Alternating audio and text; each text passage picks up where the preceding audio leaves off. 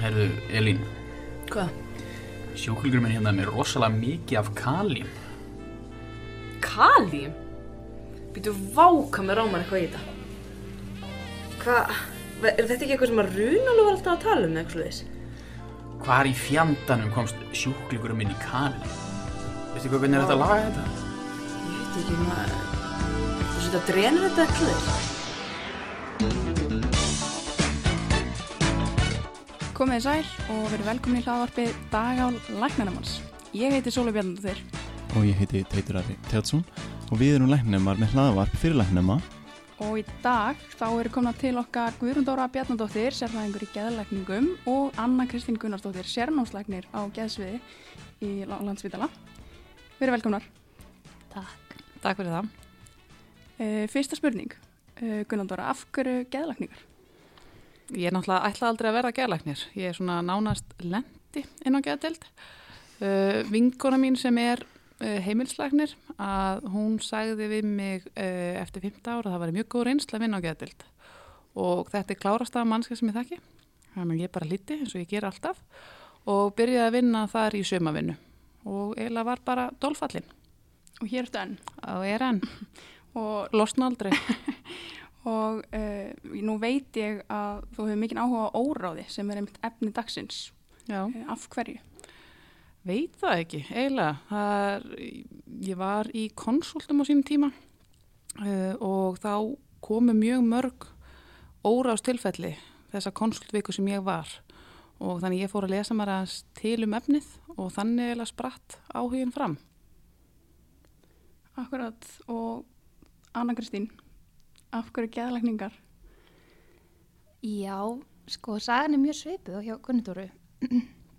Ná fyrir slisni byrjaði ég að vinna sömur eftir 15 árið og svo svona með tímanum sá ég bara í geðlækningum færi maður allan pakkan. Þú einhvern veginn færið, færið sko að kynna sjúklingum mjög mikið sem mannesku og svo færið líka líkamlega þáttinn. Það er oft svona döli lindamál geðlækning. Svona eins og ótt að myndi segja, þetta er, þú ert á fremsta bekk í leikhúsi lífsins. Nákvæmlega. Mjög vel við hæfi. Eða ekki bara að vinda hverju beint í efnið? Nei, herðu, mér, bara alls ekki. Ég, hérna, mér langaði að færa ykkur gafir fyrst. Ok. okay. Að því að ég veit að þið eru mjög, hérna, spennt fyrir þrýhittningnum. Að þá langar mig að gefa ykkur, hérna, liklakipur með hringnum. Ég veit að áhærandur get ekki séð þetta, en þetta eru sætt mjög litlar liklakipur með þrýhittningu sem er mitt uppáhald á landsbytalanum. Já, takk fyrir það. Gaman líka að heyra að þið séu að hlusta á hlaðvarpið. Já, við smellum þessu kannski í mynd fyrir hlustendur. Já, það ekki? Þetta fyrir eiginlega bara beint á kipuna, sko. það er ekki annað hægt. Hvað lögðu þið mikið í þetta? Það er gaman frá því að segja að þetta er gert í fjölritun á landsbytalanum sem er staðsett á kleppi og, og ég fekk sett um, konuna sem stjórnum fjölritun til að græða þetta fyrir mig. Magna. Þið eru fyrstu fyrirmælandi sem kom með gafir til okkar áttin. Vonandi ekki fyrir síðustu. Nei, Nei, vonandi ekki. Uh, en þá held ég að við hefum að uh, halda áfram, Teitur, ef þú vilt kannski lesa tilfellið. Já, einmitt. En til okkar er komin 60 ára gammal karlmaður sem kemur á bráðamótöku í fylld með lauruglu eftir að hafa gengið bersesgang heima á sér. Maðurinn gefur litla sögu sjálfur en fjölskyldan lýsir því að það hafa verið breyting á haugðin hjá honum tveimur dögum áður. Hann hefur verið órólegur með vaksandi aðsóknarkend og möguleikur offsjónir. Þegar við ræðum mannin þá veður hann úr einu í annað og heldur engum þræði í samtalenu. Hann er ósamfunni þýður, kastar lausamunum og hettir kaffi á starfsmann.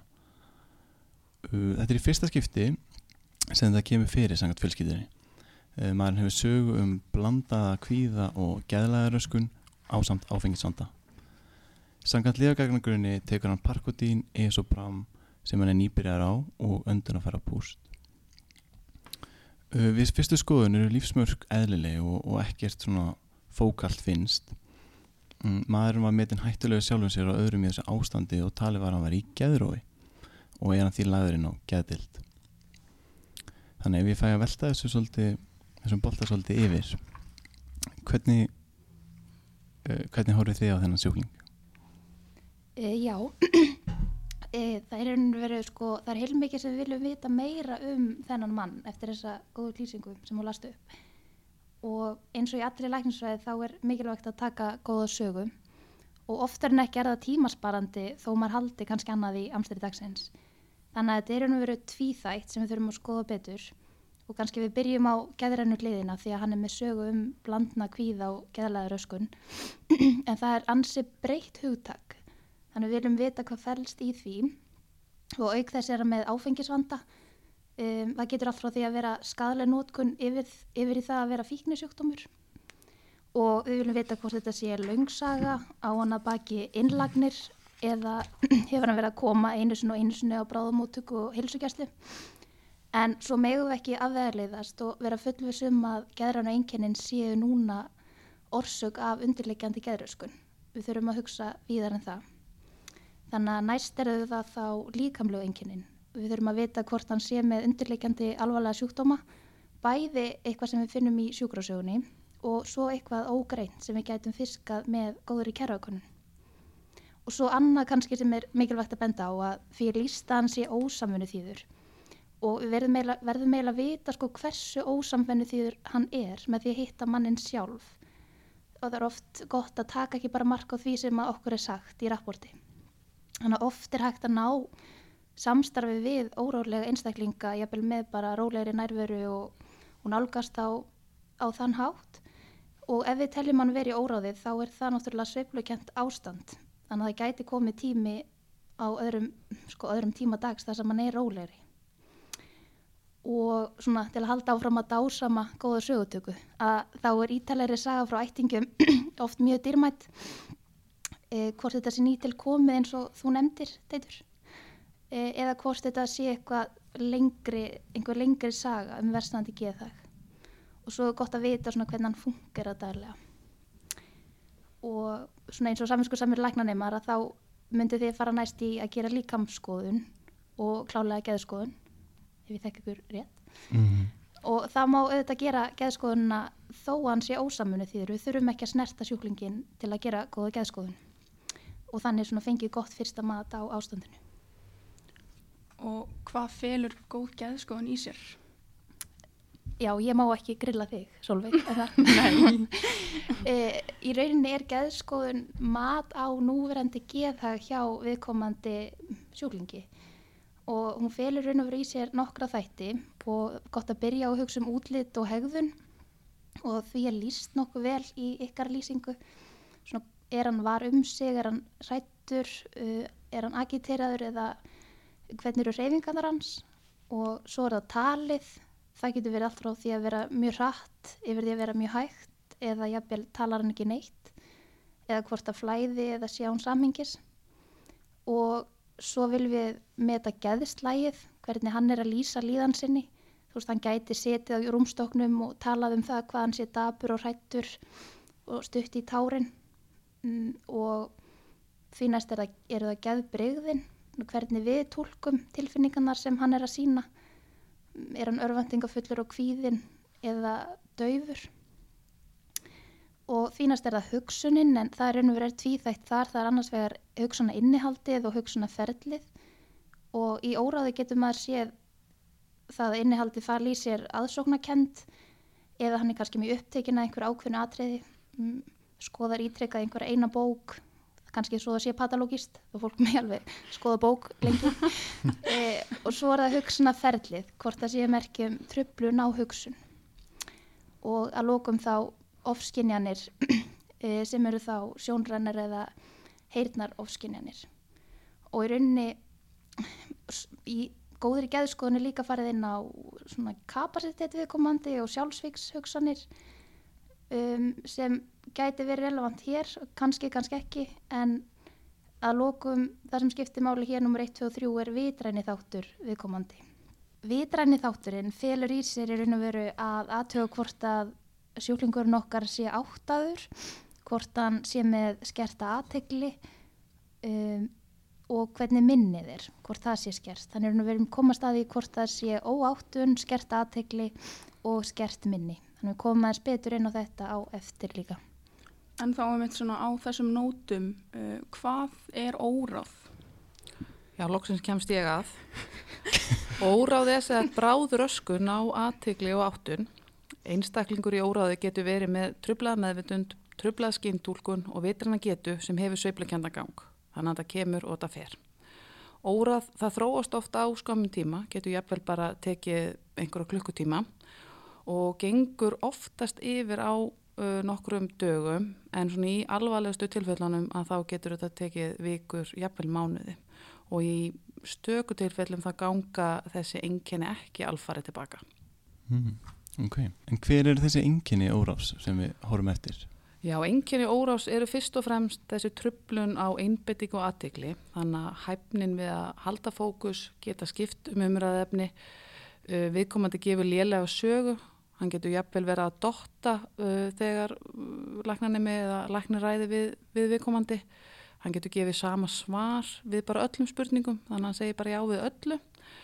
Um, hvernig við tjekkum út aðteglina að þá finnst mér best að beita uh, og byggja sjúklingin um að fara með mánuðin aftur á bakk það er alltaf kent í læknanáminn að draga 7 frá 100 því ég kemst niður í 93 og svo er ég búinn þannig að mér finnst hitt svona aðeins einfaldara það er þessi tröflun á vitrætni getu þannig að viðkomandi getur verið óáttaður. Hann er oftast óáttaður á stað og stund, sjálfnast á personu minnið getur verið verra og þá lang oftast fyrir nýliðnum atbyrðum, til dæmis af hverju viðkomandi er á spítala. Og þessi einstaklingur líka mjög erfitt með bara skipulegja, skipulegja sig, þannig að verður oft kaotískur í, í hegðun. Það er mjög algengt að einstaklingur í óráðu upplifið dæguvillu, þannig að einstaklingurinn er vakandi á nóttunni og sofandi á dægin, hjúgrunn til mikilar ama. Og svo í óráði getur verið talsvertum geðran enginni þannig að einstaklingurinn getur upplifað allt, allan tilfinningaskalan það getur verið kvíði, það getur verið debur það getur verið ræðsla, það getur verið ofsagleði það getur verið örlindi, það getur verið tortregni þannig að viðkomandi getur í raun sínt alls konar blæbriði tilfinninga. Ekki bara getur einstaklingurinn sínt þessa tilfinningar heldur getur einstaklingur líka verið að upplifa ofskinjanir og ránkumindir ofskynjanir eru oftast af sjóran, sjónrænum toga en þau geta verið af alls konar skyntúlkun þannig að einstaklingurinn getur verið með hernar ofskynjanir, hann getur verið með snert ofskynjanir, bræð og lyktar en í óráði er lang oftast um þessar sjónrænu ofskynjanir að ræða. Hver snýr að ránkumundunum að þá sjáum oftast að einstaklingurinn er með ránkumundir að aðsóknartoga þannig að hann er tortrygginn út í umhverfið sitt. Akkurat og, og svo heyrir maður stundum tala líka um svona hástemt og lástemt óráð. Hvað er átt við uh, með þessu? Já, geggjur spurning. Uh, einstaklingurinn, um, þetta er oft skipt í einmitt lástemt og hástemt og lang oftast sjáum við einstaklinga í hástemtu óráði þannig við greinum það, erum, við erum betri að greina það.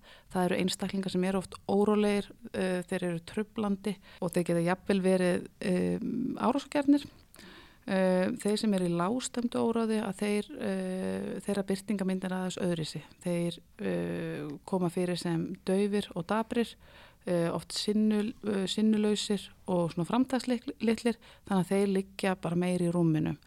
Við erum einstaklingar í lástemdu óráði eru öllu lengindum vangreindir þannig að við erum ekki að greina einstaklinga í óráði og þessir einstaklingar eru oft greindir með þunglindi út af þeirra byrtingamind. Síðan getur einstaklingurinn einnig verið í blandaðri mynd af lástemdu og hástemdu óráði. Það þýðir að á, tíma, á hverjum tímapunkti þá getur hann verið með enginni bæði fyrir lástemt og hástemt en síðan getur einstaklingur líka sveiblast mjög ört á milli þannig að eina klukkustund er hann í hástemdu og næstur hann í lástemdu. Um, en er þetta, myndir þú segja að þetta væri algengt vandamál?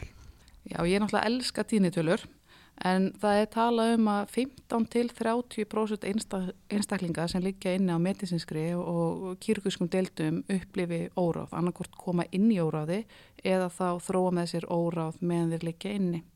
Það tala um að 50% einstaklinga sem leggist inn á bæklunum deild þróa með sér óráð og þá aðalega þeir einstaklinga sem hljóta mjadmabrott og kannski ástafan af hverju fólk hverjir hljóta mjadmabróti þá er gamalt fólk sem er auðvitað meiri áhættu en ef við tölum um öldrunandildir þá er talað um að 30% einstaklinga uh, allavegana upplifi órásenginni helmingur þeirra uh, uh, kemur inn í óráði og helmingur þeirra þróa með sér óráð meðanlegst inn. En ef við byrjum okkur saman við erlendar tölur að uh, þá myndum við áallega að cirka bát 1700 einstaklingar ver, séu greindir með óráð árlega á landsbytalanum. Ef svo staðan er núna þá eru cirka bát 200 með þessa greiningu. Það má vel vera að það séu einhverju sem eru greindir en fá ekki diagnósuna á útskristabrefið en mér finnst mjög ólíklegt að, að þessi munu stafi einungjus af því og betur máðu dugaskal og ég held að við sem fagfólk á landsbytjarum getum gert talsvert betur í að greina óráð heldur við gerum í dag. Já, svona til að sína, kannski ekki, ekki til að sína okkur, en svona til að sína við höfum spottað óráðið, er mjög mikilvægt að setja greiningun í læknabrefið. Þá gerir ansóknir auðvöldari. Og líka bara mjög mikilvægt fyrir þá sem koma til með að fylgja einstaklingum eftir. Að þeir viti það að viðkomandi hafi verið í óráð inn á spítala. Það er mjög mikilvægt. Akkurat. Uh, en hvaða hópur er þetta sem er líklegur til að þróa með sér óráð? Uh, jú, einmitt. Það er helst eldra fólk með marga undirleikjandi sjúkdóma en þessi hópur þarf oft lítið áreitið eða mjög lítið af útleysandi þáttum til að fara í óráð. En aftur á móti þið, Solveig og Teitur og ég set Gunnutóru með í hennan hóp að hún ræður ymsum framgang minn í sérnáminu mínu. Ég er ekki fært. að þið gæti þurft meira til að fara í órað og talsvært mikið. En svona þessi helstu áhættu þættir mynda góða orðið amma sem er minnisregla frá Tryggva Egil's öldrunuleikni. Þetta er einfalt og gott og, og amma er náttúrulega eldri kona þannig að þetta verður öðvöld munna þetta. Takk fyrir að skilgrina það. Sjálfsagt. Gott að skilgrina sem flest. E, en já, svo ég skilgreini aðeins hvað amma felur í sér að A stendur fyrir aldur, M-in standa fyrir mjöðmabrót og minniskerðingu og setna A stendur fyrir alvarlega sjúkdóma eða veikindi, annarkvort langvinn eða bráð. En svo eru auðvitað aðrir áhættu þættir og eða útdersandi þættir en þetta tvent skarast mjög í óráðinu. En til að nefna eitthvað algengt sem verður ofta við okkar er hægða og þvagteppa og oft er þetta hlutur sem að við orsökum af lifjumeðferð sem við erum að gefa sjúklingunum okkar í góðri trú í innlögninni. Til dæmis bara einföld verkjastilling við samfallsbroti, um, síkingar, þagfærasíking og lúnabólka, vökvaskortur, um, einhvers konar brenglun á skjaldkirtli eða blóðsikri og svo er það lifin og um, annarkvort hvort við séum með of mikið af livjum og það er auðvelt átt að sá því hvað fælst í því en svo getur líka verið vandamáli ef að fólk fær ekki sín réttur liv eða þau sé í ofláum skömmtum. Til dæmis er ekki nægilega verkastilt með verkjalifjum. Og svo einhvers konar skerðing á skinnfærum eins og reyfir sjón og heyrnaskerðing, einhver sem er um, í raun og veru þarf að vera rúmlíkjandi út af einhvers konar veikendum eða er nú þegar með sjón og hirnarskerningu og svo annað eins og eitranir, sásauki, aðgerðir og svo auðvitað gjörgæstu sjúklingar sem eru með mjög fjölþætt vandamál. Akkurat uh, og hvað væri svona lífsættulegar ástæður óráðs ef við erum að spáði því?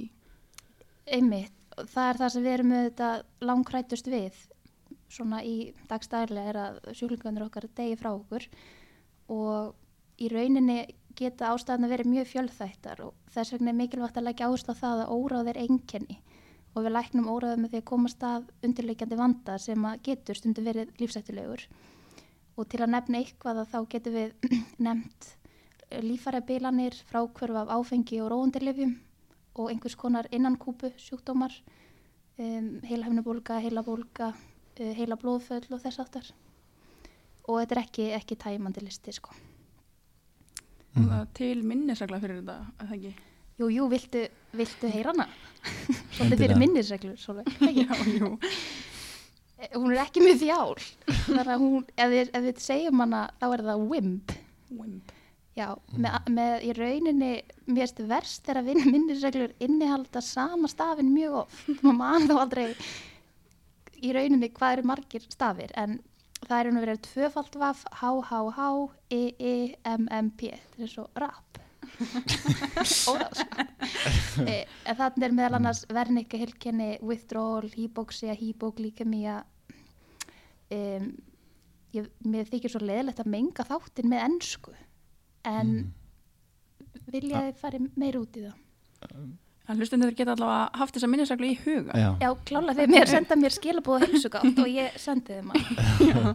Einmitt, og kannski plasta smá spjald á líkleikippi klála, ég læt löpið kunnutorum En það er mjög mikilvægt að, eins og Anna segir, að óráð er enginni og þessi enginni koma út af því að það er eitthvað líkamlegt að og það þarf að finna ástæðana fyrir því. Þannig að það er svona sem við þurfum að hafa í huga til að vera pínu alvarlega hérna. Já, takk fyrir að hafa stjórn en, en það að sjúklingurinn okkar þrói með sér óráði eða komi jafnvel inn í óráði hefur það áhrif á, á horfur þess sjúklings? Já, fari einstaklingur í óráð eru hans batahorfu verri. Rannsóknir hafa sínt að að fari einstaklingur í óráð er hann með hærra mortaldireit á næstu 12 mánuðum. Vitran geta þeirra einstaklinga sem fari óráð getur vestnað og það er talað um að þeirra einstaklinga sem fari óráð eru alltaf þrísasinu líkleri til þess að þróa með sér heilabilun. Fyrir utan allar þessa þjáningu sem fyrir utan allar þessa þjáningu sem óráð veldur einstaklingunum og fjölskyldu hans þá lengir þetta einni innlögnina á spítala og eigur líkurnar á því að, að einstaklingurinn þurfi á frekari hjúkurinn og jafnvel að, að fara á uh, hjúkurunheimili.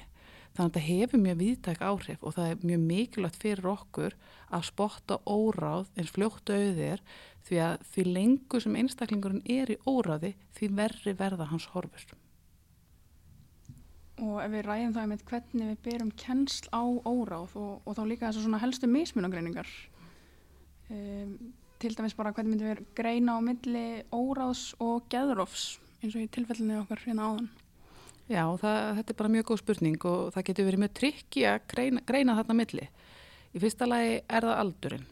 Ef áttræð kona með enga fyrir geðsögu kemur inn á spítala og er ruggluð og er með geðrósenginni, þá er mjög ólíklegt að hún sé að þróa með sér geðrósjúdóm á áttræðisaldi. Þannig að geðsjúdómar er í grunninn sjúkdómar unga fólksins, þannig að fólk er að þróa með sér geðrósjúdóma venjulega undir 30 þannig að einstaklinga með enga fyrirsögu sem koma með fyrstu geðrósenginni á gamasaldri það er óráð þangu til annars annast. Óráðið, óráðið byrja líka oft skyndilega þannig að það getur tekið nokkar klukkustundir að byrja meðan að geðrófið það tekur kannski ekki klukkustundir að byrja. Þannig að það er svona smá mallandi og geðrósengirinn koma smán saman fram. Síðan er það meðvutundin einstaklingar í geðrófi þeir eru með fulla meðvutund þannig að þeir eru ekki svona þessi flúkturandi enginni eða svona þessi sveiplukendi gangur enginnana. Þannig að ef fólk er í geðrófi þá er það í geðrófi, það er ekki í geðrófi þannig að klukkutíma og ekki næsta. Þannig að þetta eru svona helstu um, hvernig maður getur greint þarna milli. Það sem er kannski erfiðast er þegar við erum með einstaklinga með geðrósjútum og þeir eldast og þeir fari óráð. Hvenar er einstaklingur manniskur og hvenar er henni óráði og hvenar er henni blöndu geðrófi og svo er óráði. Þetta er kannski meira trikki því að einstaklingu sem er í með geðrósjúdóm og fer síðan óráð, hann er ólíkleri til þess að fá rétta meðhandlun eða fá meðhandlun við sínu óráði út af þessari sögu um geðrósjúdóm. Já, um mitt. En mér sem að líka oft lendið inn á, sérstaklega kannski inn á medicín að það kemur ykkur inn og, og leggst inn og maður finnur hann er ekki alveg kannski með vitir en að geta upp á hundra en að er þetta með átt að segja á hvort þetta sé óráði eða heilabiljun. Þannig að hvernig myndum maður reyna að greina þar á milli? Þannig að svona kannski grunnurinn er uh, einstaklingur í óráði aftur. Það, þessi breyting gerist skyndilega með að við að fólk sem er heilabila, þessi þróun sjúkdóm sem gerist yfir mjög langan tíma. En einstaklingur sem er heilabilaður, hann er í meiri áhættu að þróa með sér óráð. Þannig að þú getur alveg verið með hvori tveggja. Þannig að það fyrst og fremst uh, hvernig presentara þessi engjani. Einstaklingur sem eru óráði enn og aftur, það er sveiplukendu gangur á þeim engjannum og hegðun þess einstaklings er kannski breyttari en hann er vanur með að við í heilabilinu þá sjáum við um, ástand þess einstaklings hnigna smán saman með að við hitti meira sveiflugjönd. Það er svona kannski auðveldast að greina þannig á milli. Já, við mitt. Uh, við myndist það að sá áðan að, uh, að útleysandi þáttur fyrir óraði getur verið frákvörf. En hvernig uh, getur við áttað okkur á hvort að uh, óraði sé vegna frákvarfa eða hvort það sé í rauninu bara frákvörf? Já, eh, frábær spurning og, og mjög viðeigandi að því að frákvörf eru mjög, eru mjög algengt vandamál á öllum deildum spítalans og maður getur visslega verið í frákvörfum án þess að fara í óráð. Og til að vera heimsbyggileg þá getur maður verið í óráði á þess að vera í frá- á þess að vera í frákvörfum en svona það sem við stiðjumst hvað helst við þegar við erum að koma auga á frákvarf og þá erum við að tala um frákvarf frá áfengi og róandi livjum að því það eru, eru þau frákvarf eru þau sem eru lífsættuleg en það er það að lífsmörkin geta verið rokkandi. Og maður getur séð háan blóðþyristing, hraðan púls og háan hita og auk annara líkamlegra einkenna eins og skjálti, sviti, ógleði, vanlíðan, kvíði og fleira. En ef þið eru með sjúkling sem er búin að vera innilegjandi á deildin í nokkra daga og fær óráðseinkenni, þá er mjög gott að hafa í huga hvort það sé saga um misnótkun áfengis eða róandi lifja og sérstaklega því að helmingunatími um, sömra róandi lifja getur verið mjög langur. Þannig að geta liðið alltaf vika eða tíu dagar þar til að frákvarseinkennin koma fram og þannig og svo sem svo útleysir óráðseinkennin. Og svo er kannski gott að nefna að ofskinjaninnar eru geta verið ólíkari.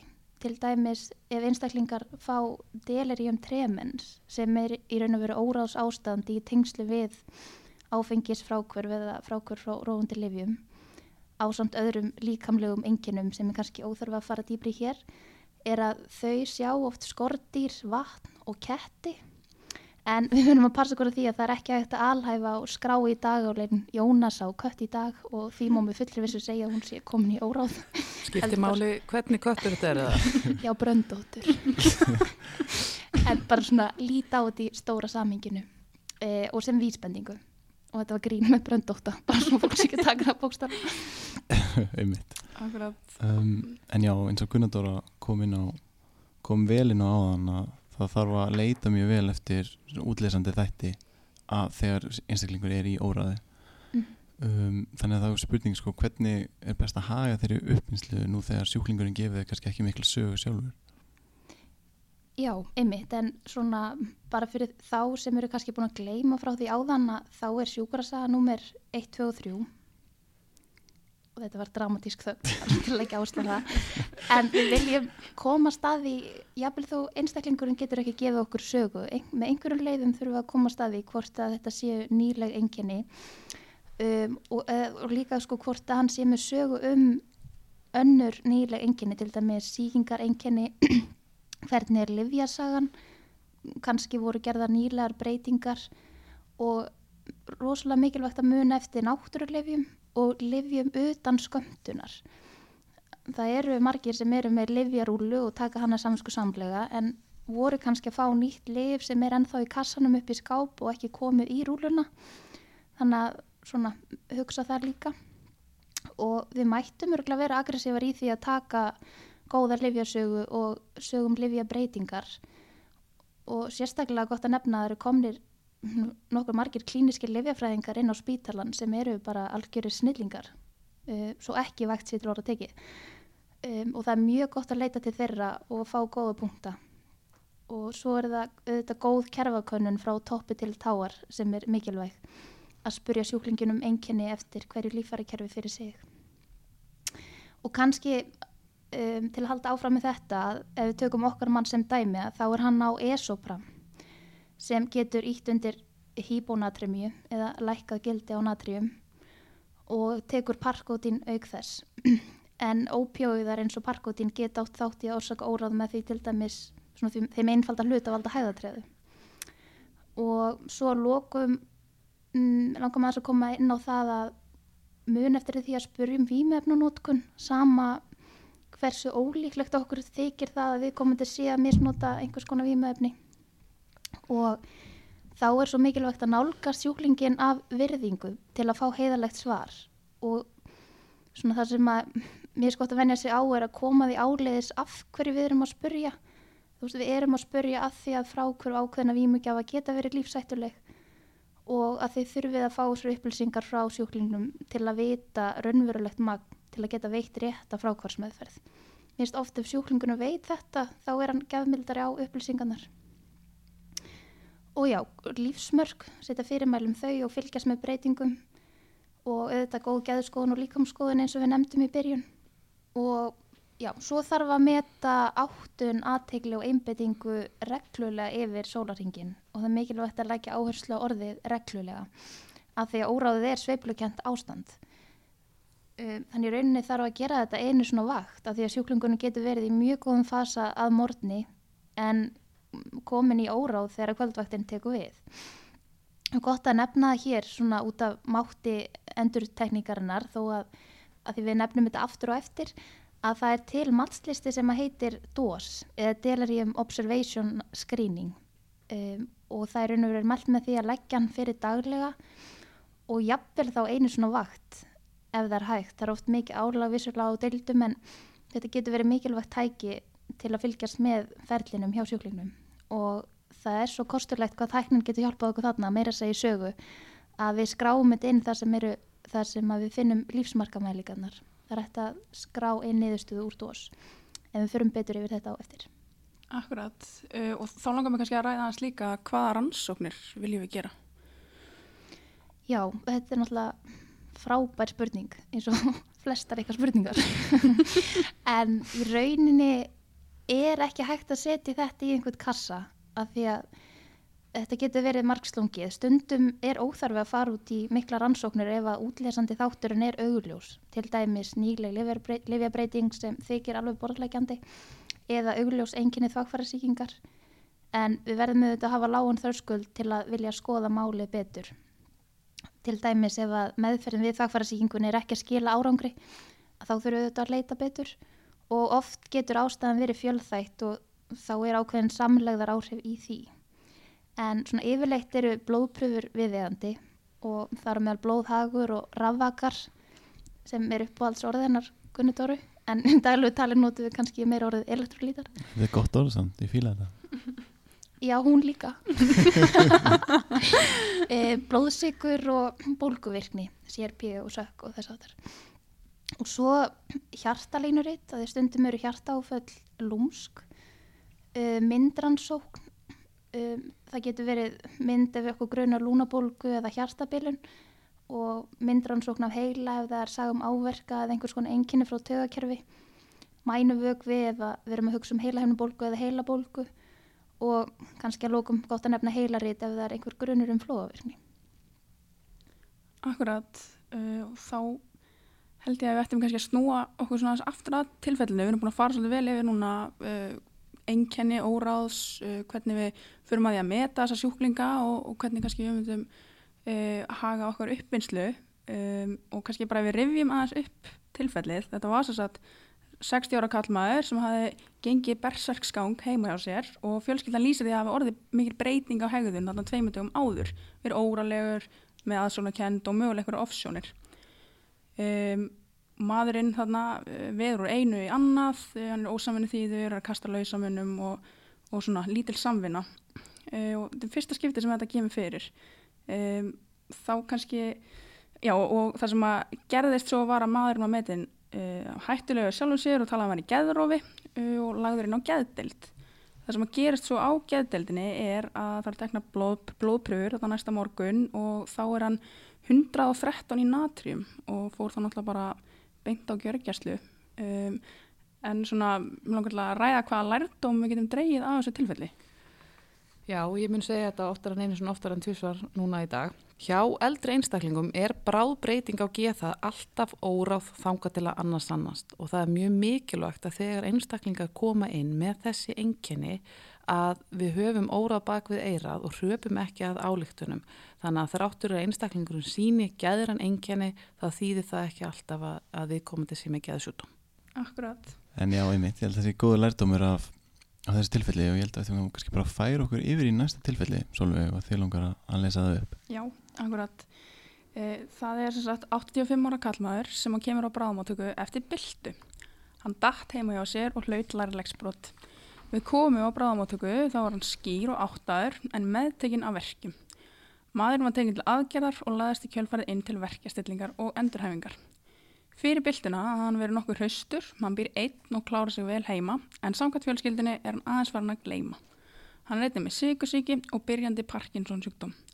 Hann tekur metformín, levodopa við Parkinson, uh, ametriftilin við þungleitisleif og róandi leif, eða sóbril og ímóman.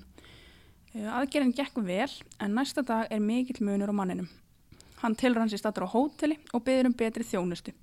Tal er óskýrt og úr samengi, hann skiptir jafnvel yfir í dönsku.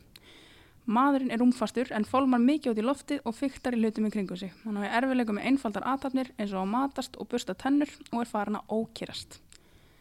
Þannig að fyrsta spurning bara, hvað eigum að gera með hennar mann? Já, það er náttúrulega algjörlega augljóst að ef einhver talar dönsku sjálfviljur að þá er spotti eitthvað svona óráð. Það held ég að sé nokkuð ljóst. En þarna fáum við til dæla litla sögu en það eru samt ímis rauðflögg sem vekja okkur til umhugsunar. Meðferðarteimið sem leggur þennan einstaklingin ætti að hafa þau huga að hann er í aukin áhættu fyrir óráði. Það hann þannig eru þannig brot, verkir, verkja stilling, aðri sjúkdómar, byrjandi minniskerðing og svo lif. Þannig að hann er á talsvært mörgum livjum og, og slæfandi livjum. Síðan fyrir maðurinn í aðgerð sem eigur enn áhættuna að viðkomandi þróum með sér óráð. Þannig að bara þráttur við fáum ekki mikla sögu þá eru þarna mjög mörg rauðflögg og mjög mikilvægt að teimið sem tekur á mótunum átti sig á því að þetta er maður sem er talsvægt líklegur í að þróa með sér óráð. Einmitt. En hvernig metum maður óráð frá degi til dags? Jú, svona til að byrja á því hvernig við greinum jafnvel hvort um óráð getur verið að ræða að þá viljum við nefna tvö matstæki annars vegar fjögur AT og hins vegar CAM eða CAM. En bæði þessi matstæki ná yfir skyndilega breytingu á geðhag viðkomandi, þau ná yfir meðvitundar ástand og þau ná yfir skerta aðtegli.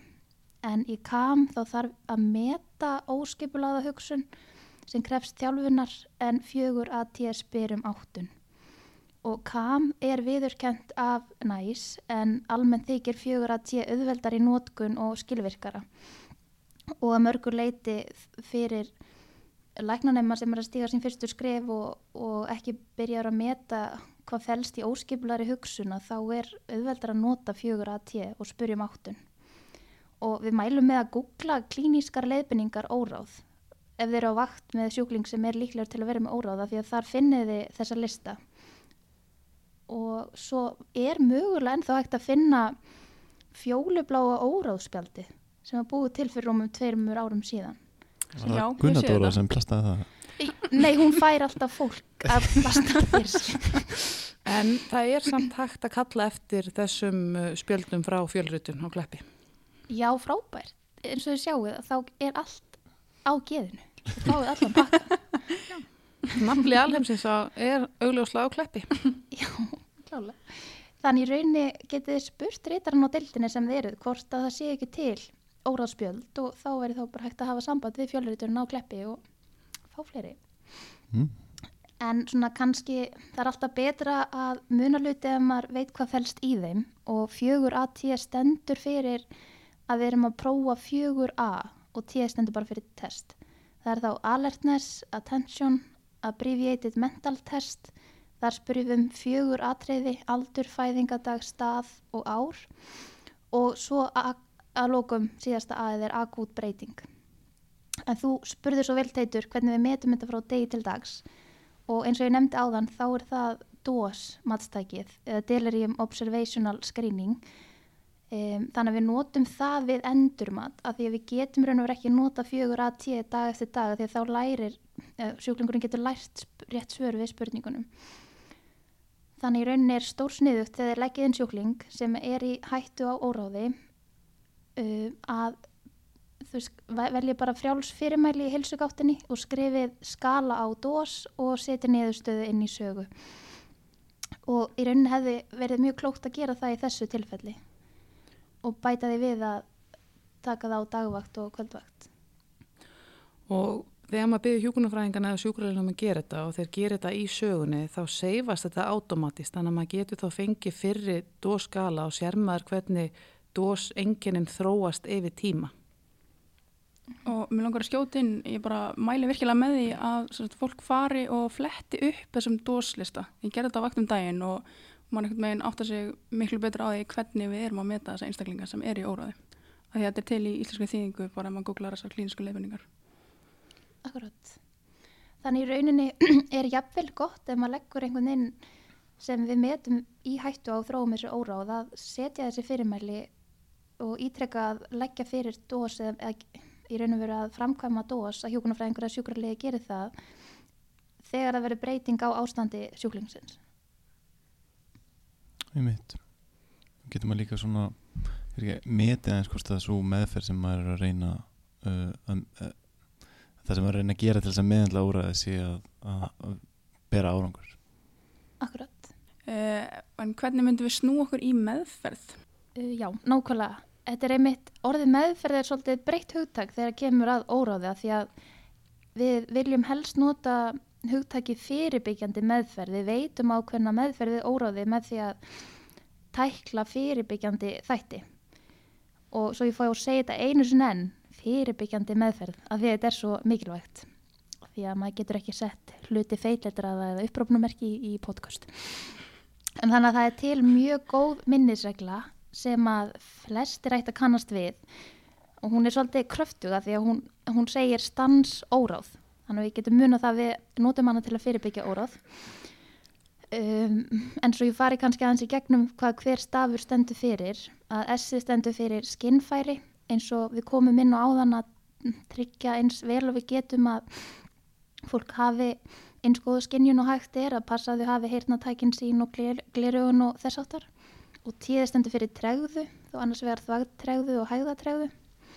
Að fyrirbyggja það að við útsettum fólki okkar fyrir því A stendur fyrir að, aðstandendur og þá er verið að meina að við veitum þeim fræðslu að þannig að þau séu vakandi fyrir óráðsenginunum og þá ef að viðkomandi sko, er komin í óráð þá geta aðstandendur veitt góðan stöðning með því að svona raunveruleika glöggva einstaklingin og við vera aðstandenda getur líka þá fyrirbyggt óráð en kannski ekki á tímum heimsvaraldurs getur við ekki komið þessu eins mikið við en það er gott að hafa þetta í huga. Uh, enni stendur fyrir news. Þeim er þá news skorið sem fylgur í sér lífsmörk að fylgjast með þeim. S stendur fyrir svefn og sársauka. Ó stendur fyrir ólar, fjötrar, línur og leggir. En það er afskaplega sjálfgætt að við sjáum sjúklinga í ólum og fjötrum inn á deildum hjá okkur. En það er náttúrulega gríðilega algengt að við séum með vökva í æð eða þvægleiki RX stendur fyrir liv sem getur ítt undir óráð áið stendur fyrir áttun og þá er raun og verið að hjálpa sjúklingnum að glöggva sig á raunveruleikanum með dagatali og klukku og hann sjáu mun og nótt og degi.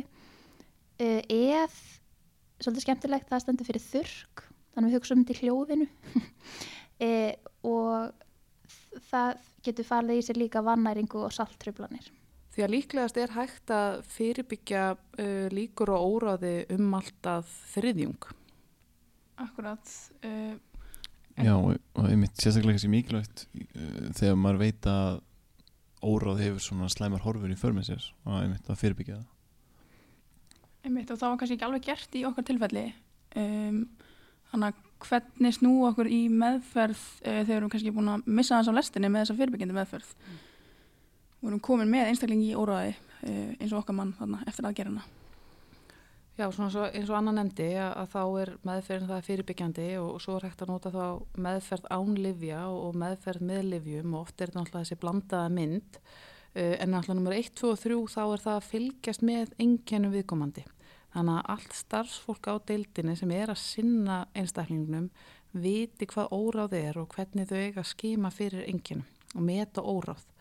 Það er mjög mikilvægt svo höldum áfram að mæra dós að gera það reglulega og að lámarki þrísvar og sólarhing og merkja það inn í söguna svo sé hægt að fylgjast með framgangi eða þróun engjana.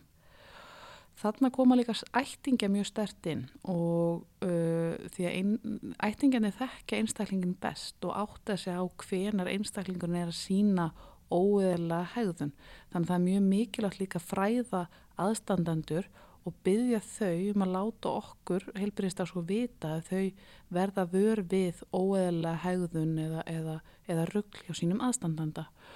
Og að því að Anna koma aðeins inn á heimsfaldur áðan, að þá sjáum við það að fólki óráði þetta er líklegast okkar veikasta fólk inn á spítalanum og ein, ein aðal meðferðin er viðvera aðstandanda og eins og staðin er núna þá getum við ekki leift aðstandum að vera og þetta gerir þetta horfur einstaklingar sem fari óráð en verri.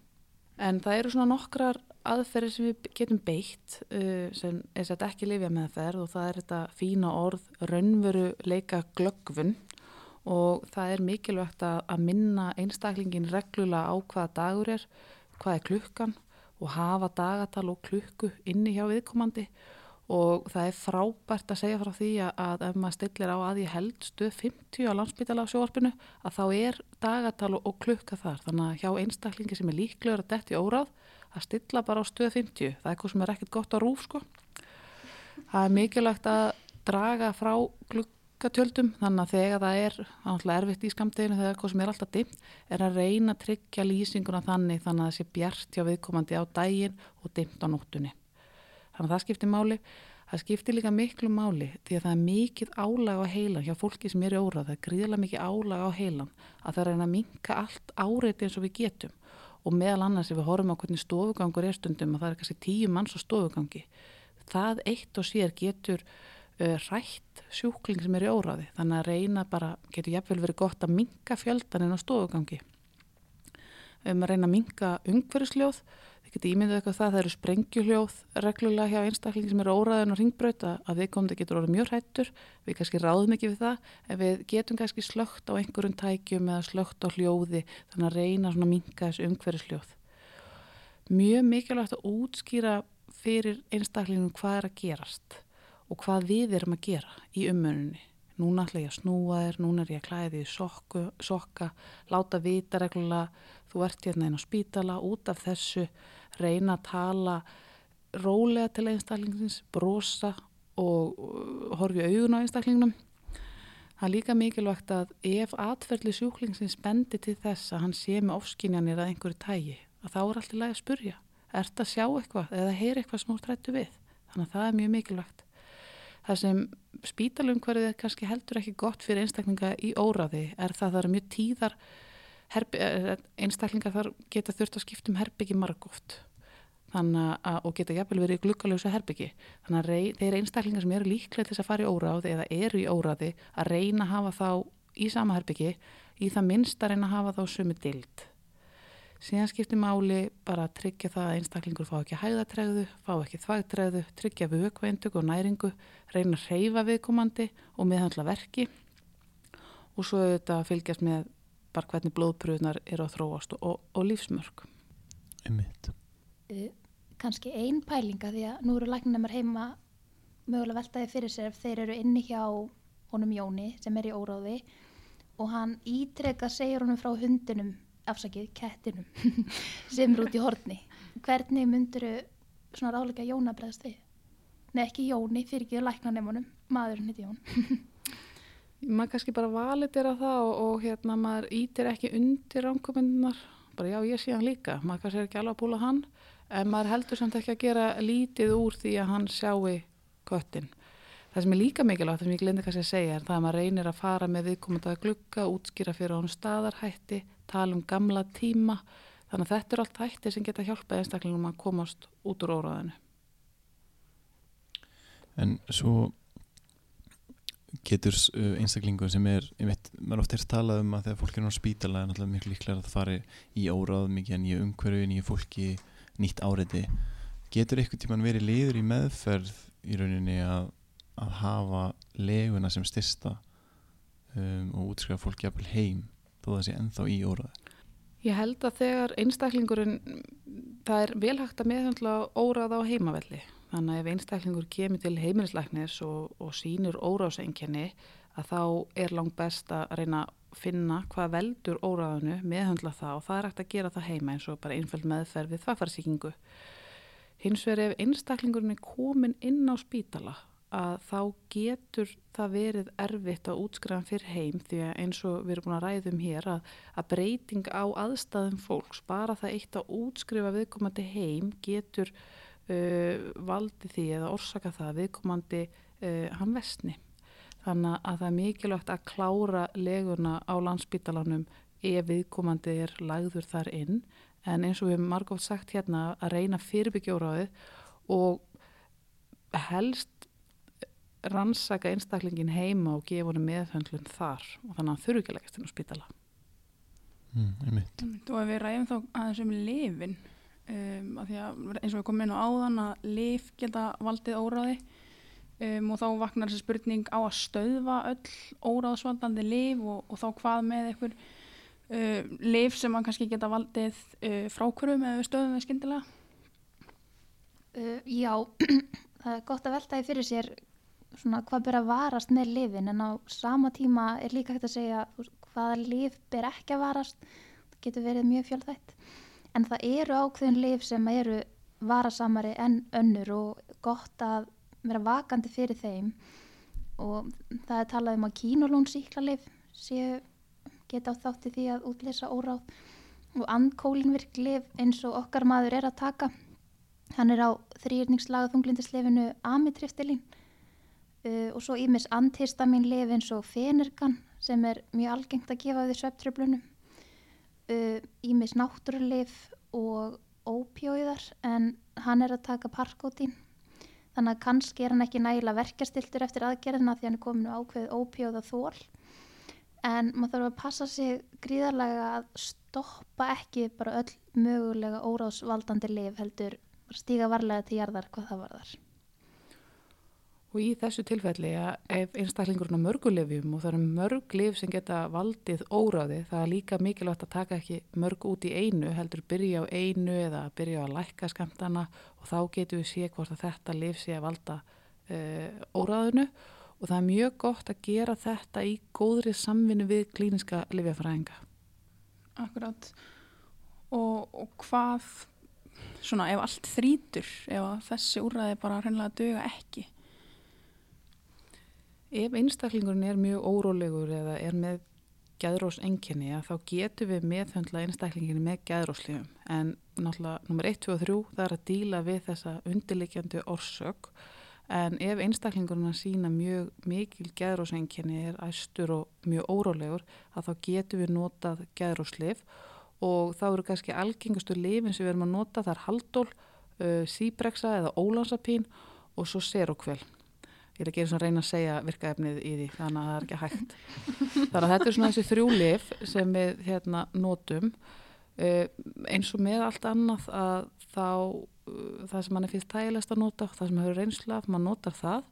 En svona þetta eru þessi þrjú algengustu lif, maður þarf að hafa þau huga, þetta er oft gamalt fólk með fjölþættan vanda uh, mögulega skerta livrar og nýrnastarsemi þannig að hafa lifin í, í lágum sköndum og, og sjálfsögðu í einn stuttan tíma og hægt er. Hvað var það róandi lifina því að þau eru stundum notuð og, og auðvitað í eins og delirum tremens að þá er það aðal meðferðin, það er að nota róandi lif en það getur orka tvímalis að nota róandi lif í, hjá einstaklingum í óráði þar sem að þessi lif geta valdi meiri slæfingu og meiri órásenginum. Þannig að oft er þetta að svona feta hann svona gilda meðalveg. Maður prófar að, að minga einhver liv og það gengur ekki og einhver mörður tímabundi og það tekur oft svolítið tíma en kannski gullsetningi þarna er less is more. Þannig að reyna að týtra lifin út eins og hægt er. Það er áhættu þáttu fyrir óráð að vera á fjónulifjum eða meira. Þannig að reyna að taka lif út sem hægt er og sérstaklega skoða þá milliverkani við önnu lif og þess áttar. Akkurat og mér langar að skjóta því aðeins inn líka með okkar manna því að eh, að þjóðast að tala um geðróslifin uh, hann með Parkinson sjúkdóm uh, bara svona þessi punktar þar að segja er eitthvað sem við erum að varast þarna. Já, mm, náttúrulega Parkinson sjúkdómur uh, snýra dópamíni og geðróslifin malda því að það veri blokkun á, á dópamíninu. Þannig að einstaklingu sem er með Parkinson hans enginni geta vestnað þannig að það er líka mjög mikilvægt og bara mikilvægt fyrir alla læknanema að átta sig á því að, að öll líf hafa aukaverkanir og við þurfum að pæla í hvaða áhrif þau hafa á einstaklingin heildrænt en ekki bara að vera að trýta eitthvað eitt. En hvað af þessum livjum var þá heppilegast fyrir okkar sjúkling eða er bara ekkert heppilegt liv fyrir hann út af þessum Parkinsonsjúkdómi? Jú, svona hvað skást væri að nota serokel sem er með virkaefni sem er óþjált að segja en það byrjar á Q og er ansi langt sem vilja segja Q-teapín, það er að segja K-teapín og svo fleira. Og svo sem ég segja, hvað tvæpín? Hvað tvæpín? Svo ég heyrt líka kvæðetapín Já, en það er svona þessar litlu bleiku töflunar. mm. Og þessi lífið væri þá alltaf bara engina meðferð í rauninu raunverulega meðferðin var alltaf að beinast að, að undirlengjandi orsök Einmitt. En hvað getur við búist við því að, að, að, að óraða sé lengi að ganga yfir? Já, það getur verið allt frá klukkutímum, dögum og upp í vikur en svona í vestu tilfellanum að, þá getur þetta tekið marga mánuði og í alvestu tilfellanum að þá ganga enginnin ekki alveg tilbaka. En það er mikilvægt og eins og við höfum lagt miklu áherslu hérna á í dag er það að enginnin eru sveiflukjönd og það þýðir að þegar við erum að ganga stofugang og við hittum sjúklingin þá hittum við hann í x tíma og hann getur verið akkurat mjög góður á þessum tíma. Þannig að það er mjög mikilvægt að, að útskrifa ekki viðkomandi bara, herðu, hann er frábært, hann er bara komin úr óraðinu. Heldur þurfum við að sjá hann án óraðsengjana í að minnstakosti dag en helstu þetta lengur. Þannig að þráttu þetta geti tekið einhverja klukkutíma þá viljum við sjá viðkomandi án óraðsengjana í einhver tíma áður en við útskrifum viðkomandi heim og segjum hann er búin í óraðinu. Og þá kannski líka hvað var að segja við aðstandendur? Aðstandendur eru líki leikmenn í þessu ástandi. Og það er mikilvægt að útskýra hvað er óráð, hver eru heilstu enginnin, hvað getur valdi óráði, hvað við heldur óráði. Og það er mikilvægt að við látum þau vita að við viljum fá upplýsingar frá þeim ef einstaklingur, ef ástvinnur er að, er að breytast, ef hans geðhagur eða ástand er að breytast mikilvægt að láta þau vita líka að einstaklingur geti verið með geðrúsenginni, láta þau vita að mikilvægt að þau setju staðar en það skiptir samt líka máli að reyna að minga áreita á viðkomandi þannig að þau séu kannski ekki að tala um fermingaveislur 24-7 sko, sem er alltaf áreiti fyrir alla. Hafa stuttar setningar og minna þann veika hvað er í gangi. Þannig að hughrista viðkomandi segja hann þú ert hérna á spítala út af þessu þetta er allt í lægi og segja viðkomandi líka oft hvaða dagur er og, og, og hvað klukkan sé. Og svo að byggja þeim að koma þá líka með hirtnátæki og, og glerugu ef viðkomandi notar svoleiðst. Því að við höfum líka alveg lengt í því að, að heilbyrjastar svo kannski átt að sjá viðkomandi nota hirtnátæki þegar viðkomandi er búin að vera í tvær vikur í innlögn. Þannig að það er mikilvægt að fá þessar upplýsingar fram. Það eru til rosalega góða liðbyrningar inn á landsbítalanum, en á vef, inn, innri vefi landsbítalans, eða ytri, ég er ekki alveg viss, en það er bara landsbítalun.is skástrygg óráð. Og þannig eru uh, mjög mikið að góðum upplýsingum, það er bæði klínisku leiðbyrningarnar, það er inn í klínisku leiðbyrningunum er bæklingur sem við getum látið aðstandendur fá. Og svo líka mjög mikið awesome vídeo inn á, inn á innri vefnum, þannig að ég hvet læknanema til þess að kíkja á þetta. Er þú ekki í vídjónu? Þess vegna er ég að benda fólki á að horfa á þetta. Já, í mitt mann. En ég ætla kannski að koma því að þetta er á ytri vefnum, þannig að þetta er aðgengilegt uh, og þetta er svo skemmtilegt að síðan heitir óráð er óráð, sem það vissulega er. Hvernig er óráð fyrir því? Ú, þetta getur verið skemmtilegur. Svo stappaði þetta. Ok, og ef við tökum þetta þá saman, uh, við erum búin að ræða svolítið vel uh, engkenni, hvernig við tökum sögu og, og skoðun og geðsköðun þegar við erum að meta þessa sjúklinga og líka svona hvaða tól við höfum til þess að aðstofa okkur, uh, DOS og 4AT og KAM. Uh, líka búin að fara vel yfir meðferðina og hverju bara huga þar og horfurnar. Eru þið með eitthvað svona loka skilabóð til læknanema? Já, í rauninni þetta er svolítið skemmtilegt að því að við lærum í ALS og á sjötta árinu A, B, C, D þegar maður metur sjúkling en við getum yfirfært þetta á óráðið þannig að okkur þetta er góð skilabóð til að taka með heim er að mun eftir þessum fjórum atriðum og vissulega öllu hinn líka en A stendur fyrir amma og þar, það voru helstu áhættu þættirnir, aldur, minniskerðing, mjamabrót og alvarleg bráðviða langvinn veikindi. B stendur fyrir breyting á hegðun, þetta er brátt, sveiflukent, aðteglinni skert, meðutundi getur verið skert og trublu vitran geta.